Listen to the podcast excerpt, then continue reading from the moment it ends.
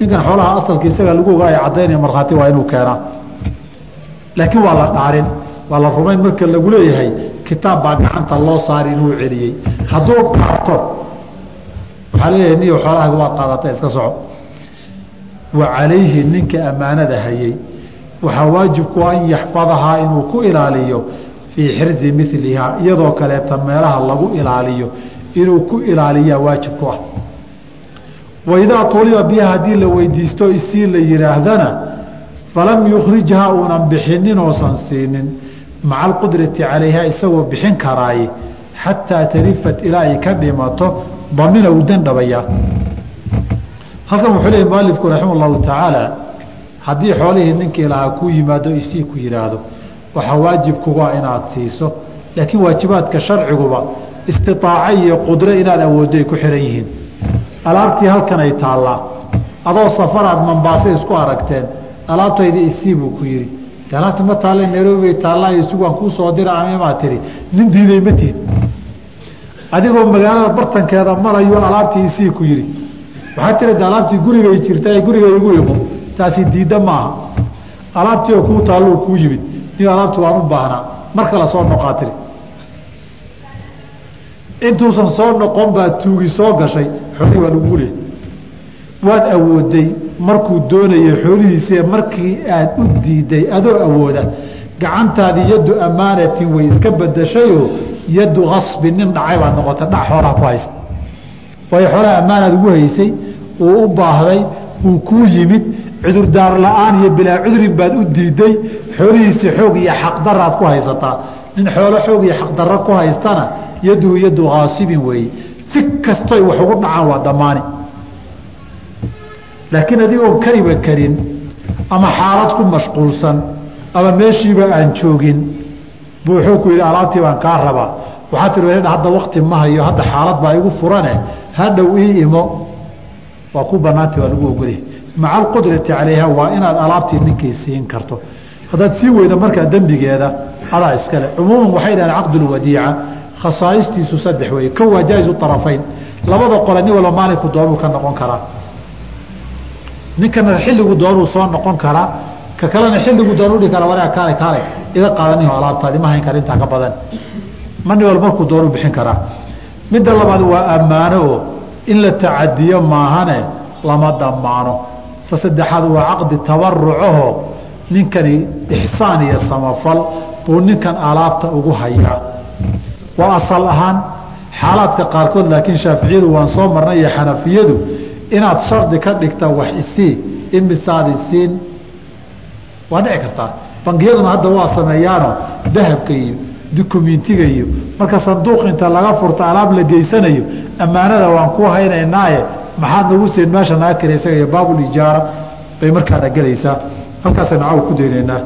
Wallah subxaanaka allah bixamdika ashhadu an laa ilaha illa anta astaqfiruka waatuubu ilayk. الله رب العالمين وصلى الله وسلم على رسوله الأمين وعلى آله وأصحابه أجمعين ومن تبعهم بإحسان إلى يوم الدين أما بعد waxaan soo gaarnay qaybtii ugu dambeysay tawaabicdii buyuucda iyo nikaaxa u dhaxaysay oo mualifku yihi kitaabu alfaraa'idi walwasaaya kitaabkana wuxuu ku saabsan yahay alfaraa'idi waxyaabaha qadaran ee dhaxalka ku saabsan iyo walwasaaya dardaaranka qofku uu dardaarmay. Waa laba xaaladoodoo dhinacna maalka kala xiriirta. Oo waxa la kala dhexlayana waa maal waxa la dardaarmayana waa maal. Waa maal milkiyad ka guuraya oo milkiyad kale u wareegaya. Midda labaad labadani waxay la xidhiiraan geerida midna waa qof xanuunsan oo xanuunkii geeridu hayo. Xoolihiisii waxa uu dardaarmay oo dad u dardaarmay. Midna waa isaga markii uu geeriyooday kadib xoolihiisii sida loo qaybin lahaa ee loo dhexli lahaa. Haddaba mualifku aada buu u soo gaagaabiyey. Ujeeddada halkan loogu qorayna waxaa weeye oo keliya. Calaaqada iyo xiriirka baabka mucaamalaadka iyo xoolaha iyo maalka wareegaya ee milkiyad iyo milkiyad u kala wareegaya la xiriira. Wa ilaa mas'alada faraa'idka iyo dhaxalku. Wuxuu noqday markii dambe culimmadu say aada uga hadlayeen. Hadba dadka isu soo haray iyo nooca xooluhuna u kala duwanaanayeen baa masaa'ilkeedii markay bateen. Baa fanni gaar oo faraa'id la yidhaahdo oo kutub laga qoray baa loo sameeyey. Fiqiga shaaficigu kutub badan bay ka qoreen maadada faraa'idka ah oo hadda mukhtasaraadkeeda uu mashhuursan yahay matrigan raxbiyada ah una inta anigu arkay ugu weyn yahay kitaabka la yihahdo alcadb alfaa'id fii alfiyati alfaraa'id ilaa kun beyt oo nadmi iyo gabay ah oo fii cilmi alfaraa'id ah oo shuraaxdiisii leh. Marka rag badan baa wax ka qoray madaahibta dhammaantoodna qolo waliba masaa'il yaryar baa lagu kala duwan yahay. Kutub baa laga qoray. Marka qofkii doonaya intaa ka badan iyo faahfaahinteeda.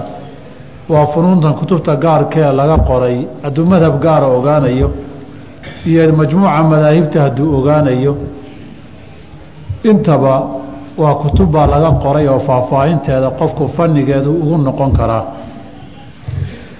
Haddaba baabu lfaraa'id inta kooban ee mualifku ka soo qaaday baynu kaga ekaysanaynaa in shaa allahu tacaala. Marka horeysa qismu lfaraa'id buu ka hadlay laakiin waxaa muhiim inaad ogaato mas'alatu lfaraa'id waxay ka mid tahay masaa'ilka yar ee qur'aanku unan wax la taaban kara ka teginba axkaamteeda. Waxa ugu badan ee lagaga hadlayna waa saddex aayadood oo suuratu nisa ku yaalla yuusiikum اllaahu iyo walakum nisu maa taraka aswaajikum labadaasoo bilowga suuradda ah iyo aayatulkalaal oo suuradda akhirkeeda ah inta aayaadka qur'aanku waxa yare aanay sheegin intiisa badanna axaadiid iyo sunnada nabigaa sheegtay calayhi salaatu wasalaam marka waxaa la yidhahdaa waa dhowrka mas'alo ee qur'aanku ugu badan yahay faahfaahinteeda iyo axkaamteeda in la qaadaa dhigo oo axkaamteeda la caddeeyo haddaba dadku qofku markii uu dhinto dad baa dhaxalkiisa leh. Dadkaasi waxay isugu jiraan rag iyo dumar. Haddaba si guud buu dadka sideedaba dhaxal yeesha. Buu kaga hadlay halkanoo wuxuu yihi walwaarihuuna kuwa dhaxla oo min arijaali ragga ah casharatun toban weeye. Ragga sidoodaba qof haddii uu dhinto toban baa dhaxalka wax ku yeelan kara. Way wada dhexlayaan ma aha oo markay isu yimaadaan qaar baan dhaxalka loo ogolayn oo qadaya. Laakiin guud ahaan rag baa wax dhaxlay haddii la yidhaahdo tobankaa marka la soo duuduubo tobankaa mid ka mida inuu noqdo wey. Midka koobaadi alibnu qofkii meydkaa ee dhintay ilmuhu dhalay weeye waxaan rabaa inaan ku baraarujiya marka muhiim inaad ogaato baabulfaraa'id iyo dhaxal marka laga hadlayo magacyada iyo nisbada qofkani la sheegayo waa hadba meydka isaga wixii ka dhaxeeya. Haddii wiil la yidhaahdo waa meydka wiilkiisa. Aabba haddii la yidhaahdo waa meydka aabbihii. Walaal haddii aada maqasho waa meydka walaalkii. Xaas haddaad maqasho haddii uu nin dhintay waa meydka xaaskiisii. Qof walboo nisbo la siiya magaca waa wixii isaga iyo qofka dhintay ka dhaxeeye ay isugu imanayeen weeye aabbahan la sheegaya waa aabbahe inaad tiraahdo maaha. Ilmahan la sheegayo haddii ayeeyo la yidhaahdo waa meydka ayeeyadii. Awow haddii la yidhaahdo waa meydka awowgii. Qof kastoo magac halkan loo sheegaayey waxaa loo tiirinayaa qofkii meydkaha ee dhintay rag iyo dumarkuu dooni ha noqdo. Saa darteed waxaa leenahay alibnu wiilkii uu dhalay wiil uu dhalay ninkii meydka ahaa wabnulibni wiilkii meydka uu dhalay wiiluu sii dhalo awow aabba uu meydku ahaa. Wa in safala haba hooseeyo. Abtirku haba sii dheeraado. Haddii cimriga waalidku uu dheeraado. Walabu aabbihii waa aabbihii meydka qofka dhintay aabbihii baa wax ka dhaxla. Waljaddu awowgii meydka awowgiina waxbuu dhaxlaa. Wain calaa haba koreeyo kor ha loo sii kaco walakhu walaalna waa dhaxlaa waa meydka walaalkii walaalkaa saddex buu noqon karaa. Walaal aabbiyo hooyeah walaal aabba keliya ah walaal hooyo keliya. Hadda waa la duuduubayoo way wada dhexlaan dhexal bay wada mutaan. Shuruudday ku dhexlayaan baab kala wey. Wabnulakhi wiilka walaalka wiilkiisii weye qofay meydku walaalahaayeen wiiluu dhalay weeye oo meydka adeer u ahaa weye marka. Wain taraakhaa haba fogaado wiiluu sii dhalay wiiluu sii dhalay haba sii noqdaane. Walcammu adeer waxbuu dhexlaa meydka adeerkii oo meydka aabbihii la dhashayna waxbuu dhexlaa wabnulcammi adeerka wiiluu dhalayna waa dhaxlaa. Wain tabaacada haba durkoo ilaa reer iyo laf iyo ray iyo jilib iyo qabiil ay gaarto.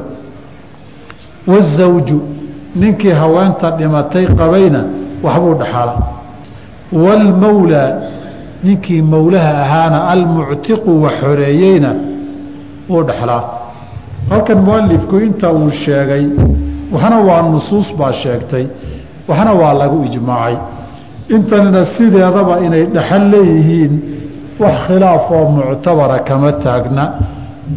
Mawla ereyga la yidhaahdo waxaa loo isticmaalaa labada qof ee isxoreeyey kan wax xoreeyeyna waa la yidhaahdaa kan la xoreeyeyna mawlaa baa labadaba la yidhaahdaa. Culimmadu markay kuu kala saarayaan isticmaalka waxay ku leeyihiin mawlaa min aclaa mawlaa min asfal. Mawlaa min aclaa mawlihii xagga kore ahaa iyo kii xagga hoose ahaa. Macnaha waxaa looga jeedaa ninkii wax xoreeyey ee wax lahaan jiray mawlaa min aclaa wey isagaa gacanta sare lahaan jiray abaalna leh mawlaa min asfal haddii lagu yidhaahdana waa ninka la xoreeyey. Waa baabulmiiraah iyo faraa'id markaad ku jirta wey iyo wax la kala dhaxlayo. Haddii macnaha ka guud la yidhaahdo almawlaa waxaa la yidhaahdaa ninka reerka ku dhex nool ee qaaraanka la wadaagee soomaalidu sheegadka ay yidhaahdaan walidaalika mawla alqowmi minhum. Marka la leeyahay mawlaa banii fulaan waxaa dhici karta ninkan addoonnimo uguma abtirsanine ninkani wuu la degay dhaqan iyo dhiig iyo quud iyo qaaraan buu la wadaagay. Ninkaasoo kaleeta mawlaa banii fulaan baa la yidhaahdaa. Weliba kutubu taraajum baad aada ugu arkaysaan. Markii fulaan ibni fulaan ilfulaani mawlaahum mawlaa banii fulaanin badanaa waxaad arkaysaa reerkaasuu la deganaa reerkaasuu la dhaqmay dhiig iyo quud iyo qaaraan waxay soomaalidu yidhahdaan buu la wadaagi jiray hadda iyadii mawlaa banii fulaantii iyo sheegadkii soomaalidu ay taqiinay iyadoo hadda weji kale ay jirtaa. Hadda dadkaa intay qaxeen westaraanka ka imanaya oo dhan waa mawlaahum wada sheegad wey. Yaa tahay basaboor ingiriisuu wataa isagu waa soomaali sheegad wey. Maraykan buu wataa sheegad wey. Australiyan buu wataa sheegad wey. Sheegadkii hore innaga reerka lala wadaagi jiray hadda xuquuqdii dadkaasaad la wadaagtaa. Markaa dadkaa muddo iswada hadashaan wuxuu ku leeyahay adinku markuu yidhahdo anu nin britishan ah ingiriisa wuxuu ku leeyahay waraaqaha ah. Waraaqaha ah. Macnaa adugu dhalad ma tihide waraaqaha lagu siiyeoo sheegad baa tahay baa lagu dhihi. Marka mawlaa banii fulaanin hadda haddii loo tarjamayn lahaa albiritaaniyi mawlaahum baa la dhihi lahaa. Alamriikiyi mawlaahum. Alkanadiyi mawlaahum. Waa kanadiyan laakiin dhalad ma ahe waa sheegad marka curfiga bini aadamku wejiyadunba isbedeliye. Nin dad ku dhex nooloo dhig iyo qaaraan la wadaaga. Siday dooniba ha noqotee de way iska dhici. Masalo kale sii geli maayo sheegadka gaal sheegad in loo noqon ma bannaan tahay. Waa masalo kaleoo xilligeedi iyo munaasabadaheedi iyo ninkii walaa walbara ka hadliyo way masaladaasi u taallaa intani haddaba mawlaha la sheegaya hadda waa ninkii isagu addoon lahaan jiray addoonkiibuu xoreeyey. Addoonka uu xoreeyey haddaba abaal iyo gallad buu ku leeyahay kow. Dadkana way kala xigaan. Ninka uu xoreeyey bishuruuطin buu ku dhaxliyo haddii dad xigtadiisa iyo qaraabadiisa ahba la waayo. Buu markaa isagu soo hariyo yaa ugu dhow baa lagu dhaxlaa meydka walwaarihaatu kuwa dhaxloo min annisaa'i haween ahna sabcun toddoba wey haweenkana marka la soo duuduubo toddobaa wax dhexla raggana waxaynu nidhi marka la soo duuduubo iyana toban baa wax dhexla haddii hoos loo faahfaahiyo intaa labadaba way ka badanayaan. Waxaa wax dhexla albintu gabadha uu meydku dhalay hadduu dhinto dhaxalka waxbay ku leedahay. Wa bintulibni wiilkiisu gabadhii uu dhalayees awow aabba u ahaana waxbuu waxbay wax ku leedahay laakiin gabadhu awow hooye u ahaayee gabadhiisu dhashayna waa dawil arxaamo dadka asxaabulfaraa'idka iyo dhaxalka aasaas kale kuma jiraan. Waalummu hooyadii meydka hooyadii way dhaxli waaljaddatu ayaydii walukhtu walaashiina way dhaxli ama aabbiyo hooye ha wadaagaan ama aabbo keliya ha wadaagaan ama hooye keliya ha wadaagaan. Waazawjatu xaaskiisuna way dhaxli waalmawlaatu tii xoraysay mawladiisii saydadiisii almuctiqatu xoraysayna qofka way dhaxli rag iyo dumar wuxuu dooni meydku ha noqdee hadduu addoon la xoreeyey ahaa oo cidda xoraysay ay haweeney ahayd iyo qof dumar dhaxalkiisa wuu leeyahay waxaana sugan nabigeena calayhi salaatu wasalaam in uu dhaxal siiyey gabar uu adeerkii xamsata binti xamsata binti cabdilmualib ahayd xamsata bni cabdilmualib gabaruu dhalay ilan xamse waa kii uxud lagu dilay radia allahu canhu wa gabaruu dhalay baa waxaa dhintay nimay reer xamse xoreeyeen. Wax dadana hal gabadh buu ka tegey. Gabadhii uu ka tegeyna nus buu siiyey tiina xamsahaydna nus baa la siiyey. Xadiidkaasaa nabiga ka sugan calayhi salaatu wasalaam oo ibnu maajah iyo kayrkii ay wariyeen. Haddaba cidqigi iyo walaha in wax lagu dhaxlo buu xadiidka asaas iyo asal u yahay haweenkana shantaas toddobadaas baa dhaxla duuduub ahaan. Adilada faahfaahinta dhaxalkooda. Markii fasalka dambe say wax u dhaxlayaan laga hadlayo baa mid walba daliilkiisu imanayaa. Hadda mid in loo tiriyo halkan waynu ka maaranaa waayo mid waliba sida uu wax dhaxlayo baa soo socota. See wax u dhaxlayaa sidaa bidaliili kadaa in la dhaho wey. Haddaba dadkaasi waa guud ahaan dadka dadka mutadhaxal. Laakiin hal mas'alaa meesha ku jirta. Hadday isu yimaadaan wax wada dhaxli maayaan. Laakiin qayb waxay u qaybsamaan marka laba qaybood. Qayb iyagu marnaba aan qadi karin. Marnaba ma qadaan. Laga yaabo waxay qaadan lahaayeen inuu isdhimo. Oo marka lagu soo batee wax lala qaybsadiiyo marka dadku yar yihiin ama keligood yihiin way kala wax badan yihiin laakiin marnaba ma qadaan.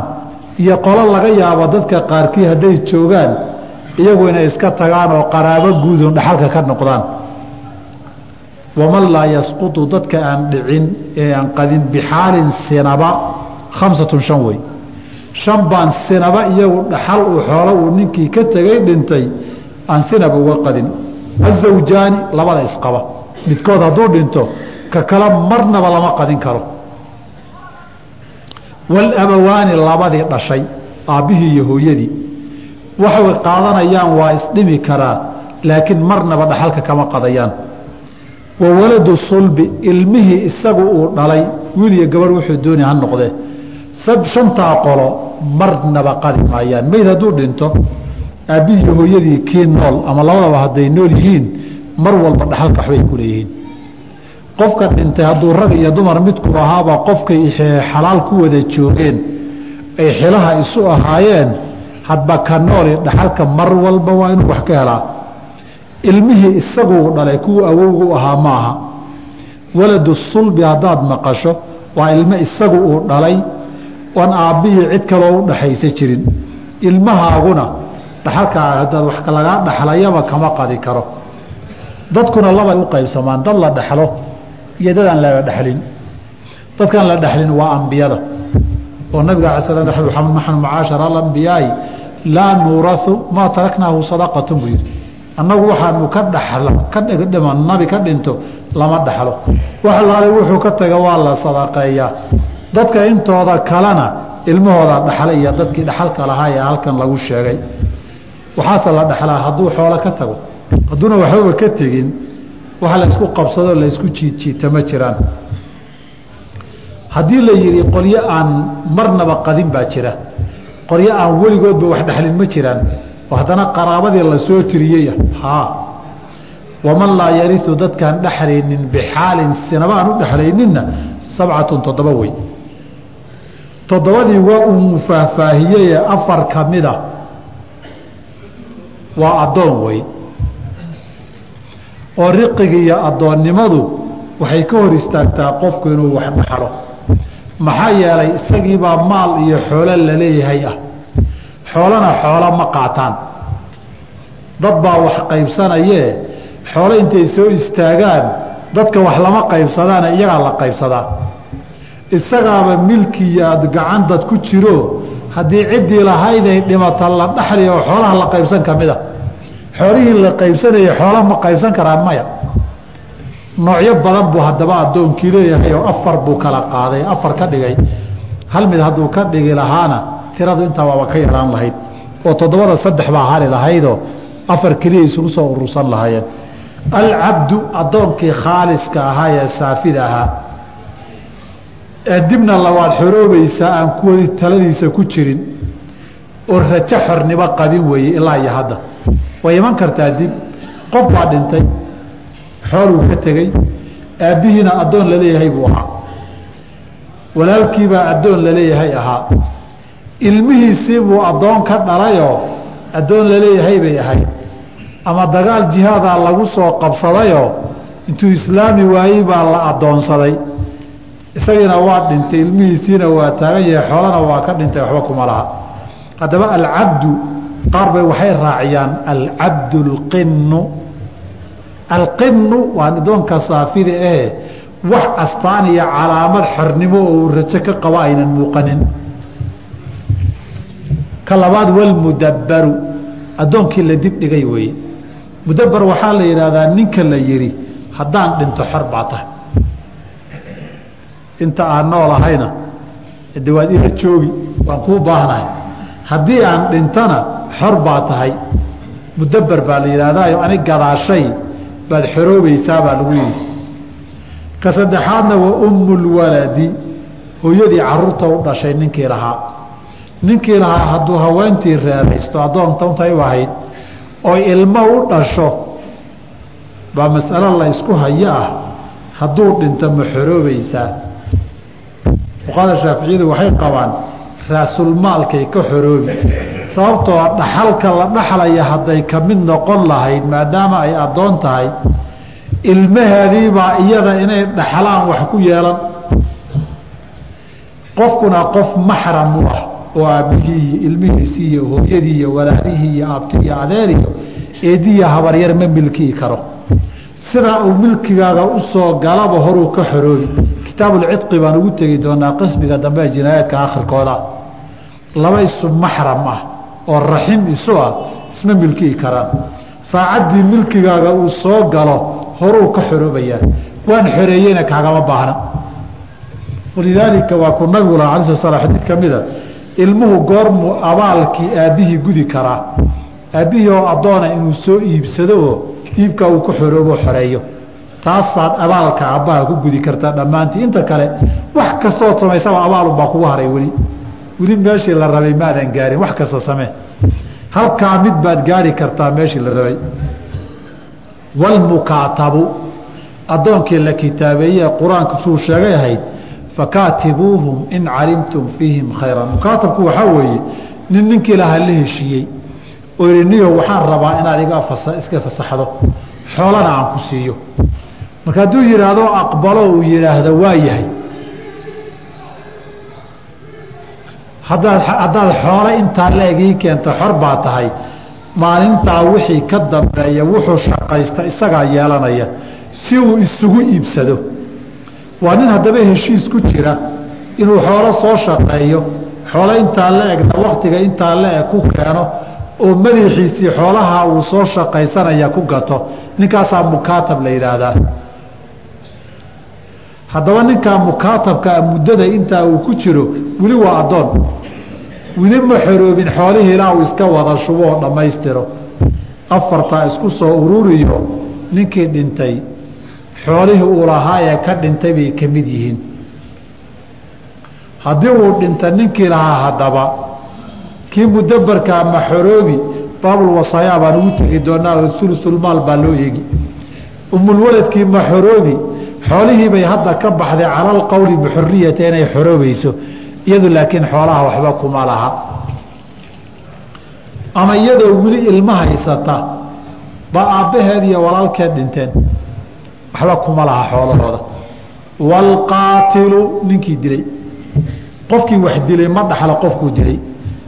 Wiilbaa aabbihii dilay. Ninbaa adeerkii oon carruur dhalin oo xoolo badnaa buu dhimashadiisa sugi waayey markaasuu ku dhajiyey qofkii waayeelka hadda aad baa loo dilaa waayeelka.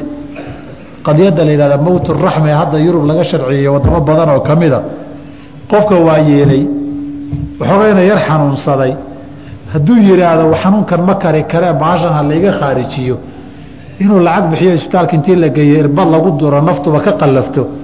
Oo wax qawaaniin badan oo yurub ay ogolaatay wey oo mowt raxma la yidhaahdo. Waa geeri loogu naxariisanayay dhaheen qofkii inkastoo waddamadooda qaarkood diidan yihiin qaybo badan baa ogol tiibaa aada looga faa'iidaystaayo ninku markuu yaraha waayeela qofku xoolo badanna leeyahay ilmihiisu dhakhtarkiisay u tagaan ay wax siiyaan ay la heshiiyaan qoraal baa la sameeyaa inuu yidhi waan xanuunsanahay ee iga takhallusa. Isbitaalkaa la seexiyaa intii dawo la siiyo uu xanuunsado isbitaalka la seexiyo baa lagu dhajiyaa dhab qalaf waa dhintaa marka. Intaasoo qadiyadooda kiisi allaa jira marka oo heshiis baa loo galay oo mowturaxmihii aadamaha loo fasaxay. Dad badan baa u leeday oo u go'ay. Soomaalidana way dhici jirtay. In ninku ninkii duqahay waxba dhalayne adeerkii iyo ahaa. Ee xoolaha badnaa intuu dhimashadiisa tiigsado uu ku dhafto ku dhajiyo xoolihii qaato way dhici jirtay. Qof wax dilay qofkuu dilay dhaxalkuma leh. Nabig ala slam wuxuu yidhi qaatilku waxbaba ma dhaxlaba. Baa ka sugan nabigeena alayh salaam. Waalmurtadu kii gaaloobay hadduu diintaba ka baxo oo uu gaaloobo dhaxalkii waxba kuma laha isaguna. Waayo gaal iyo muslim isma dhaxlaan cumuumka ah buu soo geli.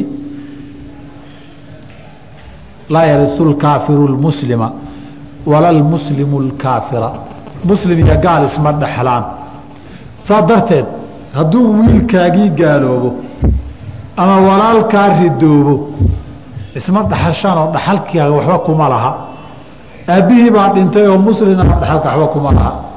Duqii baa gaaloobay. Soomaali badan oo gaalooday somayna arag. Soomaali badan baa gaalooday. Laakiin wixii ugu yaab badnaa soomaalida gaalooday wuxuu ahaa. Anoo la fadhiya nineteen eighty sevenkii. Gaarisaan joogay. Galab baa nin oday a la fadhiya oo sheekh oo axkaan leeyahaa markaasaa fadhigiina loogu soo sheegay wiilkaagii kanada tegay wuu gaaloobay dadkii waa istirjaacsaday duqii wuu iska qoslay waa nin hadda axkaan leeyahay nin baa weydiiyo yihi oo sheekho maxaad ku qosashay adugu?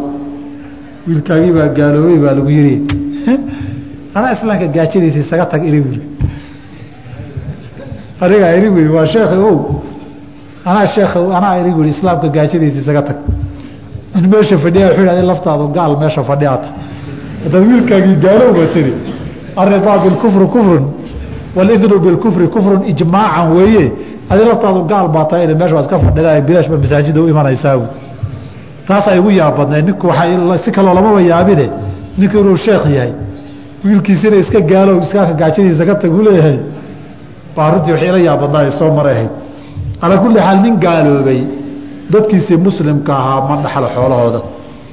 Wa ahlu millatayni laba diimood dad kala haystana isma dhaxlaan.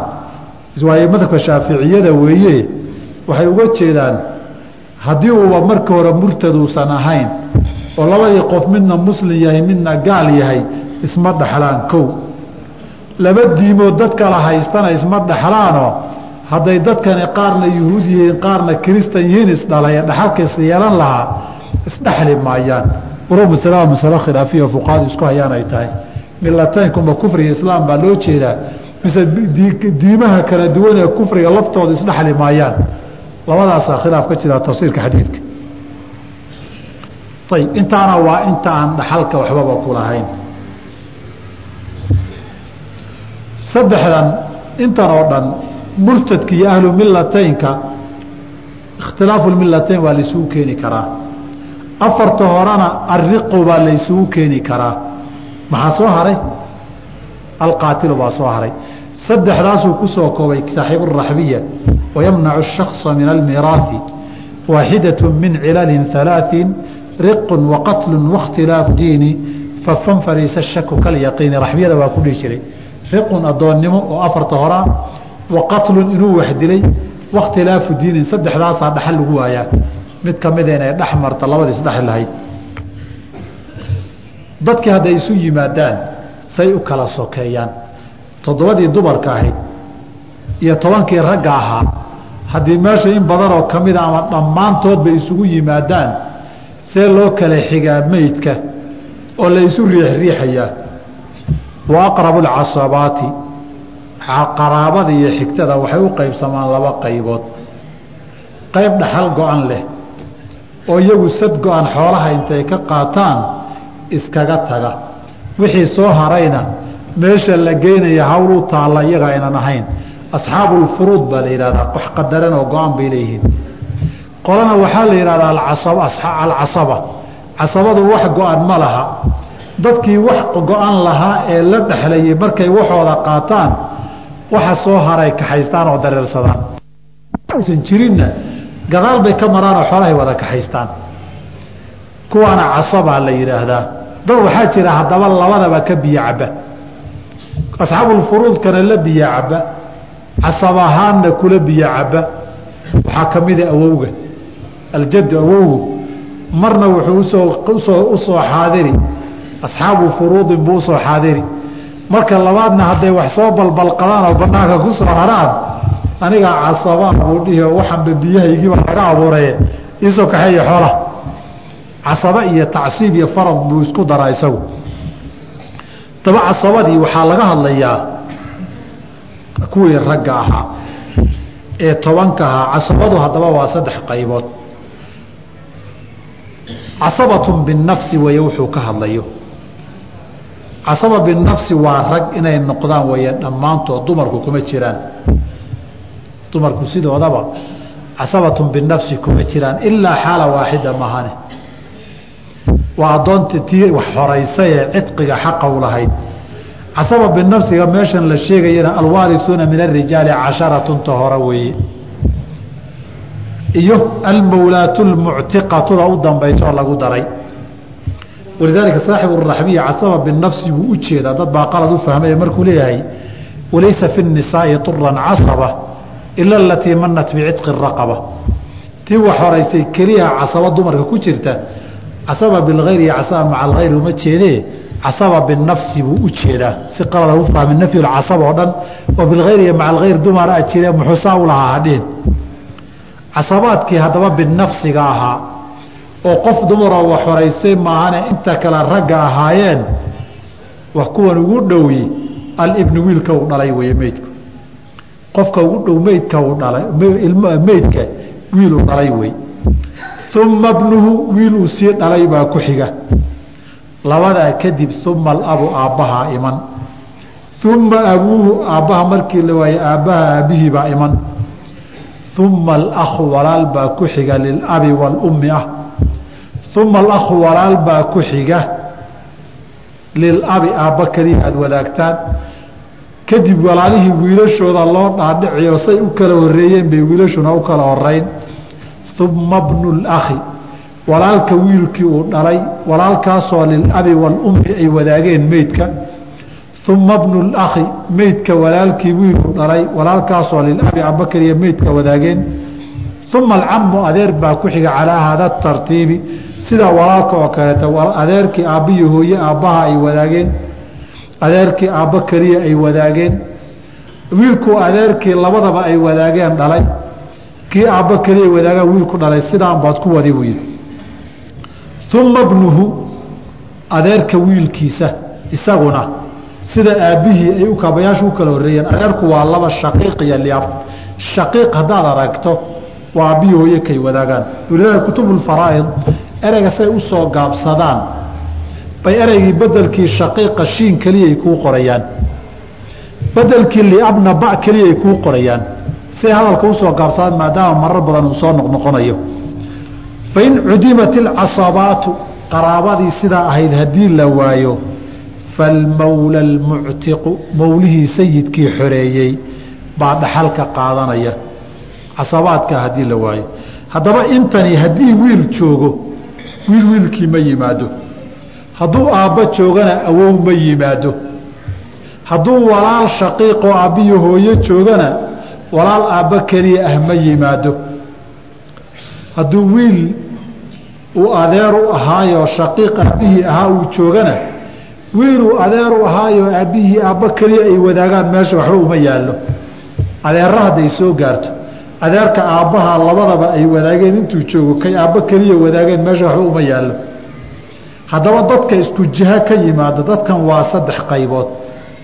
Usuul furuuc iyo xawaashi weeye usuushu waa aabbiya awow inta kaso ka joogo ka meesha waxba kuma laha. Awow wuxuu wax dhalaa markii aabba la waayo keliya. Furuucduna waa wixii aad dhashay iyo waxay sii dhaleen. Meydku wuxuu dhalay iyo waxay sii dhaleen. Iyaguna inta kaso ka jooga ka shisho wax ma dhaxlo. Inta wiilku dhalay joogo miduu awow u yahay waxba uma yaalla meesha. Xawaashina waa waxaan asalna ahayn faracna ahayn walaalihii iyo adeeradii iyo weye ilma adeertii. Iyaguna waxay ku kala xoog badnaadaan walaalaha iyo adeeradu shaqiiq iyo liab midaad laba wadaagtaan iyo midaad hal dhinac walaalo ka tihiin waa kala xoog badan yihiin. Walaaltinimo laba dhinac ka timid oo aabba iyo hooye ka timid way ka xoog badan tahay mid dhinac keliya aabba ka timid ilmahay dhaleenna xooggii unbay kala xoog badnaan. Xawaashiduna waa walaale iyo adeero kuwaad adeeru tahay iyo ilmo adeero iyo waxaasoo dhan baa xawaashi la yidhaahdaa. Saddexdan haddaba qolo intay joogto qolo walba xawaashida wixii ka yimid saasay u kala sokeeyaan. Usuushuna saasay u kala sokeeyaan furuucduna saasay u kala sokeeyaan. Intaba haddii la waayo ninkii wax qaraabo aba ma laha. Ama qaraabo dhaxasho ma lahoo gaalo iyo wax kala weeye falmawla almuctiqu waa dhexlaya ninkaasaa dhexlayaoo dad ugu xiga oo dad ugu sokeeya.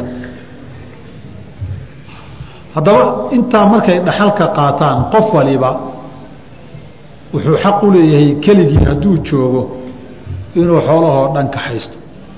Waxaa inoo iman doonta tafaasiisha aabbihii iyo ilmuhu hadday isu yimaadaan walaal iyo awow hadday isu yimaadaan.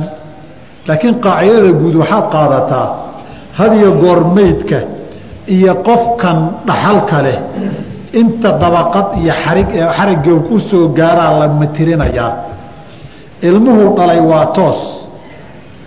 Ilmuhu sii dhalayna hal dabaqad baa udhaxaysa walaalku waa toos walaalku hal dabaqad baa udhaxaysa walaalkaa idiin dhexaysa sababtoo walaalku markuu soo abtirsado aabbuhu iman adna markaad soo tirisa aabbahaad iman halkaa dhexdaad isugu timaadaane toos adiga kuuma soo galo.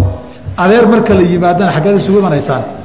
Awow adu aabbaad iman awow markaad timaaduu isaguna iman walaal baa ka sokeeya marka. Meeshii dhaxsin tahaydee goobtii lagu soo marka hore walaal markaad isku soo dhacdaan baad adeer isu imanaysaan. Inta ninka soka joogo meesha sokaad isaga soo dhacaysaan ka shisho wuu iska joogi wuu iska qadi.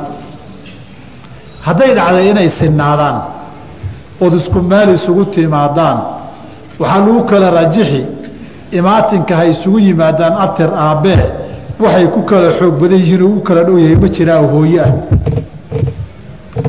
haddayna taa ahaynna waxaa dhici karta iyagoon isku dhinacba ka imanin oo laba dhinac ka kala yimid inaad isku meel isugu timaadaan. Waa masaladaa wey masalada ugu muranka iyo dhibka badan oo aljaddu walikhwatu la yidhaahdo awowgaa markuu hoos u soo noqdo adna aada kor u baxdo xaggee isugu timaadaan? Aabbahaa idin kulmiya. Walaalna xaggeed isugu timaadaan? Aabbaha awowgii iyo walaalkaa ma ku kala xigaan marka. Mise way kuu siman yihiin. Halkaa way halka muranku ka bilowday. Masalatu ljaddi waalikhwa halkaa way way ku kala xigaan iyo ima kala xigaan. War nimaad ku abtirsato magac kuu mara iyo nin dhexda docda un kaaga soo dhacay see loo simi iyo. War ninkanna aabbahaa noo isu keenoo na bara. Kanna aabbahaa noo isu keenayoo na bara. Halkaa weeye way kuu siman yihiin iyo way ku kala xigaan qolada tiri aabbahaa asal ahoo awowgaa ku-xigoo asal ah. Waxay dhaheen walaal dhaxal waxba kuma leh qolada tiri maya aabbahaa baro ahoo idiin isu keeno isku meel baad ka soo dhacdaan meel baa isugu timaadaan dhexdoo way isugu yimaadaanoo way siman yihiin. Qoladaana dhaxalka way wadaleeyihiin bay dhaheen. Laakiin wax walaalkaa ku-xiga yidhi ma jiro. Walaalkaasoo kayoo keligii wax qaadan. Ma jira. Masala masalatu ljaddi waalikhwa baan ugu tegi doonaa insha allahu tacaala furuud lmuqadara markaynu gaarno. Marka halkaasaan caawa ku daynaynaa wallahu aclam. Khadka soo gashay oo saa ku suuq geynaysa aniga maalmahan zayn baa igu dambeysay maxaa ka dambeeyey hadda? Maanta qolo cusub wa ku suuq wuxuu leeya lacag dhan boqol doolar ma soo gelaysaa xoolaha xoolaha la naadinayo haa boqol doolar waa lacag badan. Waxayna ku xidhan tahay hadba meesha zamaanka iyo curfiga la joogo bay ku xidhan tahay. Boqol doolaroo dad fuqara iyo zaman faqri ah meel la joogay gaajo ka jirto la mid ma ah boqol doolar oo ku luntay xaafad tujaarun degan yihiino oo boqol doolar dareeminbo iyagu koob shaahayna uga duwaneen la mid ma aha. Zamanka iyo makaanku waxaan ma badan yahay mise yar yahay saamayn bay ku yeelanayaan. Inagu de dad baaba reero dhan baa bishii boqol doolar biishee waxaa weeye lacag yar maaha innaga marka la yidhaahdo. Nin ayuu aabbahay igu meheriyey. Wuxuuna igu yidhi ilaa aan ku guri geysto kuma biilaayo. Maxaan ka sameeyaa?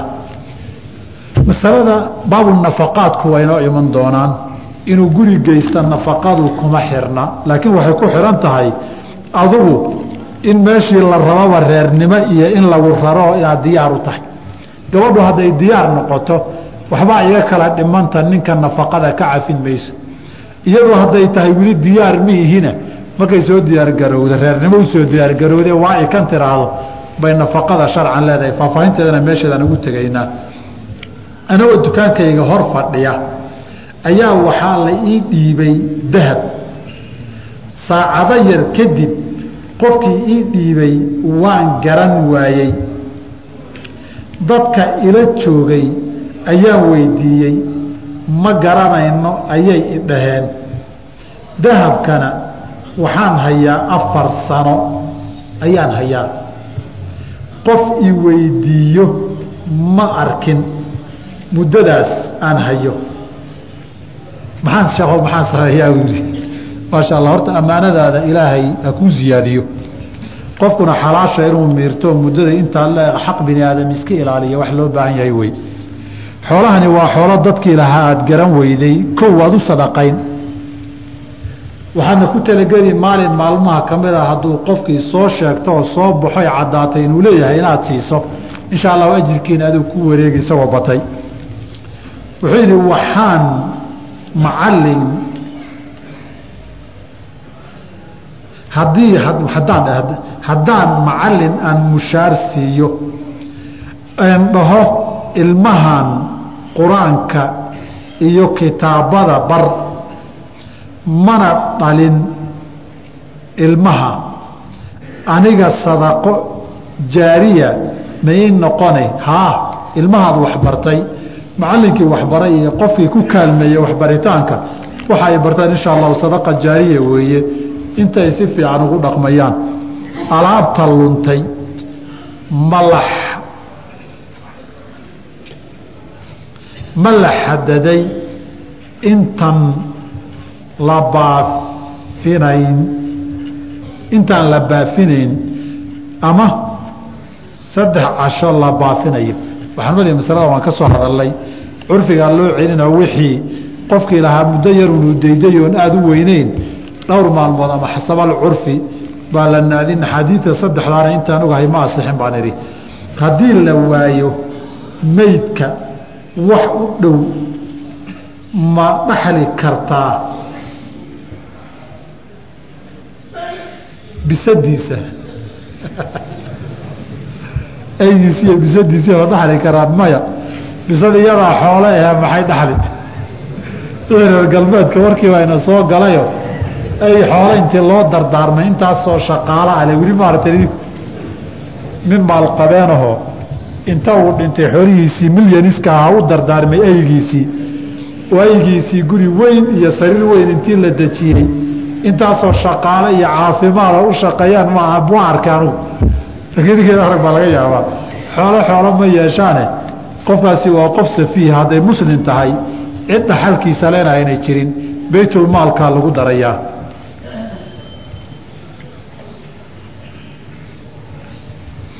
Ninkani wuxuu yidhi bangi uu magacaabay oo qayb laa ribaa ma loo shaqayn karaa? Haddii culimmadu waxay yidhahdeen maadaama culimo badani ay fatwadeen zamankan bunuugtu naafida naafida ama qayb iyo daaqad aan ribo ahayn way furi karaan. Macnaheedu waxaa weeye haddaadan wax kala qabanayni ay kala soocan tahay waad u shaqayn kartaa. Hadday meeshu ayna daacadna tahay hadday hoosgelis tahayna iska ilaali. Ma ka ganacsan karaa dhulka bannaan ee magaalada? Magaalada magaalada geesaheeda ah. Dhulkeeda haddii dhul la milkiyey uu yahay qof milkiyey kaa gaday ama adiguba aada si sharciga ku milkiday dee waad ka ganacsan kartaa. Dhulaan la milkiyinoo lagaa gaday laakiin de beeca marka horebaa sixin weeyo kama sii ganacsan kartid. Kaararka ay ku qoran tahay kontonka boqolka boqolkana la gado wuxuu leeyahay daqiiqado fii firii ah. Maribaa kaarkaas masaladaa kaararka mar baan ka hadli doonaa sidoodaba waxaa la ysku haystaa muran ka taagan yahay kaararkan telefoonka lagu garanayo iyo kaararkan kambaniyada lagaga gadanayo dukaamada wax lagaga gato. Ma lacag baa iyagu mise waa badeecad? Haddaan idhaana lacag weeye intii ku qoreed ka badan kuma gadan kartid iyo ka yartoona hadday lacagtu isku jinsi tahay hadday konton shilin tahay oo lacag weeye la yidhaahdo oo konton shilin oo kenya tahay konton ka yar iyo ka badan laguma gadi kara waayo lacag lacag lagu gadayo wey. Lacag lacag lagu gadayay tegi. Waa badeecad haddii la yidhaahdana dee la rabaa lagu gadi karaa ka badan iyo ka yar labadaba. Masalada maadaama noocyo badan ay yihiin wadanka magaaladan hadda qaybo badan ay ka jiraan mar baan ka hadli doonaa kaararkaas maxaa lacaga? Maxaase badeecada insha allahu tacaala markhaatiga ma u sheegi karaa nooca waxa aan hayo. Ha waa u sheegi kartaa bishari inaad aamin ka taho qof aamina uu yahay isaga uusan aadan ka shaki qabin khiyaano iyo dad intuu u soo sheego oo soo sameeyo inuu xagga isagoo rag kale soo diray ka wareego kaa qaadada ka baqaynin. Dhexdhuuqsiga dembi miyaa. Alxamdu lilah qadiyadda qaabka dharka loo xiranayo. Wax daliilo intaan garanaya sharci ah oo qaababka qaar xaaraantinimeeye ma jiro. Qadiyadanna wax xaaraantinimeynaya garan maayo laakiin laba iska ilaali. Haddii meesha aada joogto dhexdhuuqsiga curfiga iyo makaankaa xadidaye looga yaqaana dhaqan ciyaal suuq inuu yahay ma banaana inaad samayso. Haddii goobta iyo zamanka aada joogto keliya dadka xunxun ay sameeyaan oo dad sharaf iyo akhlahi akhyaar aanay samaynin. Wixii lagu yaqaano curfigaa loo celinoo libaasulfusaaqi iyo araadisha dharkooda inaad xirata lama ogola. Haddiise meesha caadi ay ka tahay qof akhyaar iyo dad walba way xirtaan dhib ma laha. Marka labaad haddii ay arintani dhaqan gaalo ay ka tahay mara iyo zamanka qaarkii iyana lama samayn karo. Wixii gaalo lagu yaqiinay hadduu ka baxo xaddiina xuunkii waa isbedelayaa tagayuru lfatwa bitagayuri zamaani walmakaani buu gelayaa ma bannaan tahay in lala shaqaysto jinka iyadoon muslim lagu dhibaynin. Masalada masale mashhuura weeye. Dhowr masaleba jinka way ka hadlaan. Azawaaju min aljinni. Jinka ma la isguursan karaa waa masalo laga hadlay. Sideedabana kitaabkan siyuuti raximah tacaala wax badan baad ka helaysaan. Iyo kitaab kaloo isu dhowo in abubakr shibli la yihahdo uu leeyahay oo la yidhaahdo akaamu lmurjaan fii axkaami iljaan jinka iyo macaamiladiisa ma lala tukan karaa dagaal ma lala geli karaa ma lala ganacsan karaa ma la isguursan karaa culimmadu maxay ka yidhaahdeen baa lagaga hadlayaa calaa kulli xaal jinku waa makhluuq mukalaf ah sidaada oo kaleeto. Waxay leeyihiin mu'min iyo mujrim iyo kaafir iyo bay leeyihiin. Muminiintoodu qof taqi oo ilaahay ka baqa iyo qof faajir oo caasiya sida aadamahay leeyihiin. Haddaba qofku waana loo tegi karaa waana la wacdin karaa nabigaa wacdiyey calayhi salaatu wasalaam waanan garanayaa rag culimo ah oo kutub akhrihi jiray oo kutubka qaar dhinacyaan la fadhiisan dhihi jiray walaalihiinoo jinaa fadhiye. Nin baa wuxuu yidhi maalin sheekhow meesha nagu ciririya meesha naga daaye meesha cidlada aana daga celinaysa wuxuu yidhi wareer dhammaa iskala hadashaan meeshii baa hadalka yaroo sheekh abelow intii oo dhan baad haysataan mi intan yar baan annagaba ciriri nuga noo quulilaadahay baa lagu yidhi ninkii orod buu xalaqada kaga baxay. Marka hadday dad mustaqiimiina yihiin mucaamalo xuduudu sharcigaa waa idin dhex mari kartaa. Laakiin waxaa aada u adag dadka la shaqaysto horta inta la shaqaysataan aqaano in dad muminiina la shaqaysata waa ku yaryihiin kolba faahfaahinteedana lacalla munaasabo kale inay timaado sheekh waxaan ku weydiinayaa haddii la xado lacag gaal uu leeyahay xalaal miyaa mise waa xaaraan? Haddii gaalkaasi xoolihiisii ay banaanaayeen in la qaatiya naftiisa oo uu xarbi ahaana de lusuusulmuslimiin baabkeeday geliyo baab fuqahadu ay ka hadlaan weeye oo xalaal weeye. Haddii laakiin gaalkaniyo naftiisa iyo maalkiisa ay macsuum ahaayeen ama mucaahid uu ahaa ama musaalim uu ahaa iyo waxyaabaha lamidkaa xoolihiisa in la xadiyo in la dhaca midna ma banaana. Asalka xoolaha maalkiisu muxuu ahaa fi silmi. Sideedaba in la qaato maxay ahayd bay geli. Asariqa alislaamiyun hayna gelina. Gaal qur'aan ma lagu akriyi karaa? Caafimaadse ma loo baryi karaa? Haa gaal qur'aan waa lagu akriyi karaayo. Saxiixeynkay ku taalla xadiidkii abi saciid alkhudri ninkii boqorka ahaa ay ku soo akhriyeen faatixadii adhiga soddonkaa ka soo qaateen wuuna xanuunsanaayo wuu caafimaaday. Shardina waxay kula galeen ninka hadduu caafimaado xoolaa laydin siin ilaahay inuu caafiyo in loo weydiiyana wax xaraja male laakiin waxay yidhahdeen culamada qaarkood bishari gaalkana gaal adiyatulmuslimiin lagu yaqaana waa inuusan ahayn. Marka loo ducaynayana waa inaan makfiri iyo raxmiya loogu ducaynine ilaahu caafi la yihahdo allah ku caafiyo la yidhaahdo cumuuman dhib ma leh haweentaydu hadday nuujisay ilmo ballaanka laga soo qaaday xukunkiisu muxuu noqon? Waxaa weeye labanu diri weeye. Aabbaad ugu tahay fi ridaacati. Walaalkaana adeer buu u noqon. Caruurtaadana walaalay noqon. Laakiin kugu abtirsan maayogow. Hebel ina iyo aan la aqoonin wey ina muslim wey. Laakiin taa kugu abtirsan maaya baaburidaaca axkaamteedii bay geli furaha la iibsanaye wadankan aadka muxuu yahay marar badanba waxaa mar baan ka hadli doonaa. Munaasabaadkii unbaa isqabanle insha allah isna mar baan ka hadli doonaa. Axkaamta badanoo mukhtalif iyo shuruud iyo dawaabid buu leeyahay. De waxaan jawaanka su'aalaha i yaallo kama gaaro. Qur'aanka gaari cusub ninkii gata ama guri cusub dhista qur'aan ma loogu akrii karaa gurigii iyo siyaaradii iyo inay ilaahay barakeeyo maxfuudo aafaadka ay noqoto. Tani waa min albidaci weeye isagoo gurigiisa waxaa sugan. Gurigii suuratulbaqara lagu akriyo laa tastaiicu halbaalatu saxaradu wax ma karaan iyo waxa lamidkaa laakiin waa isagaa qofkii ku akrista wey laakiin wadaaddo la soo kireeyey oo ujuuro la siinayo oo maalin walbana soo lugoo laga dhigayo oo loogu aqriyayaay waxyaabaha bidaca weeye ee qur'aanka sidaas ha laga daayo.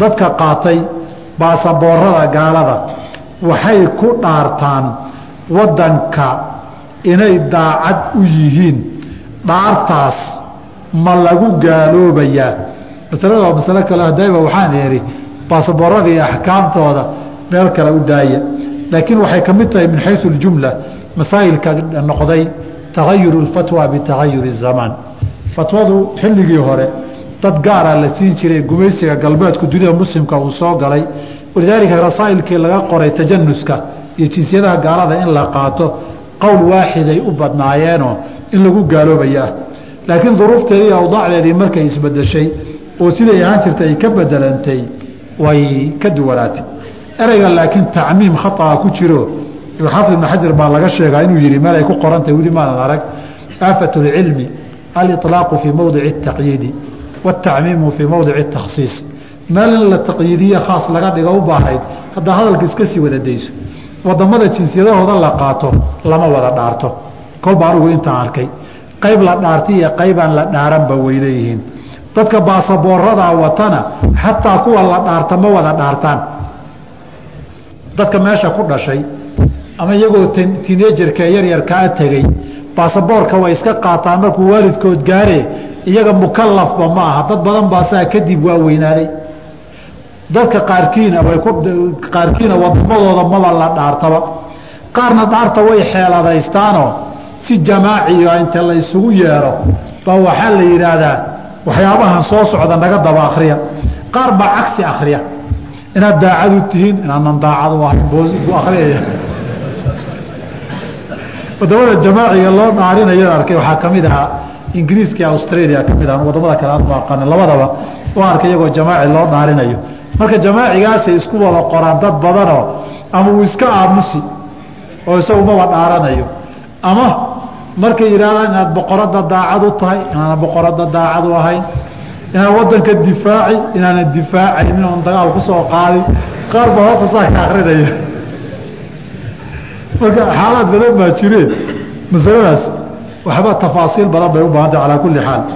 Sheekh haddii qof lumo masaajidka ma laga baafin karaa. Xalay baan idin masalada haddaan halmaamo iyo xasuusiya.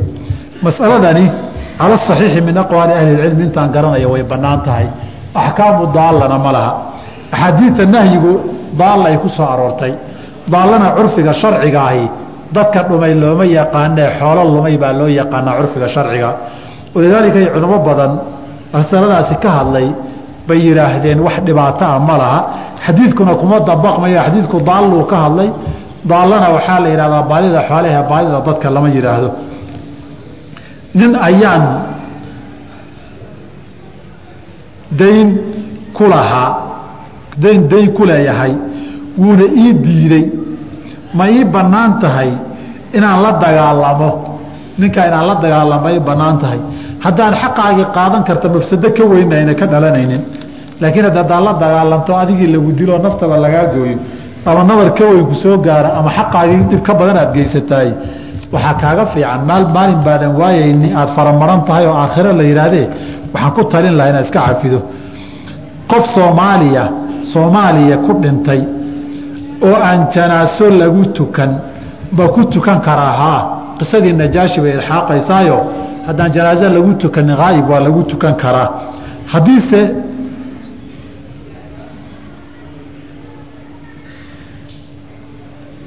lagu tukaday.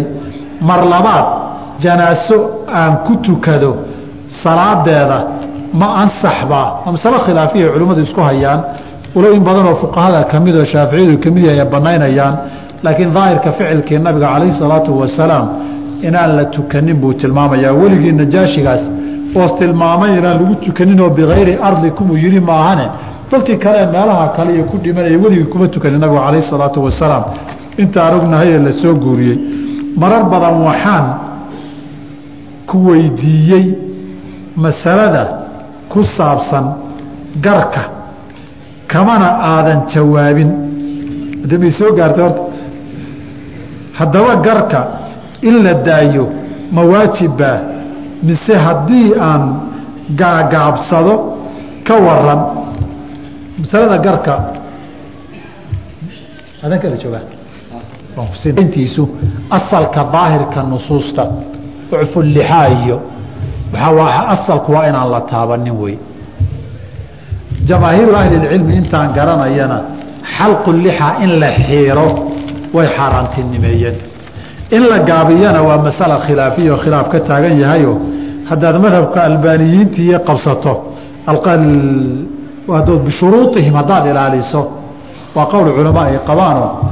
saxaabada qaar dhowrana laga soo wariyey. Laakiin waa wixii gacanta marka lagu qabta ka dheer haddaad yar gaabiso wey.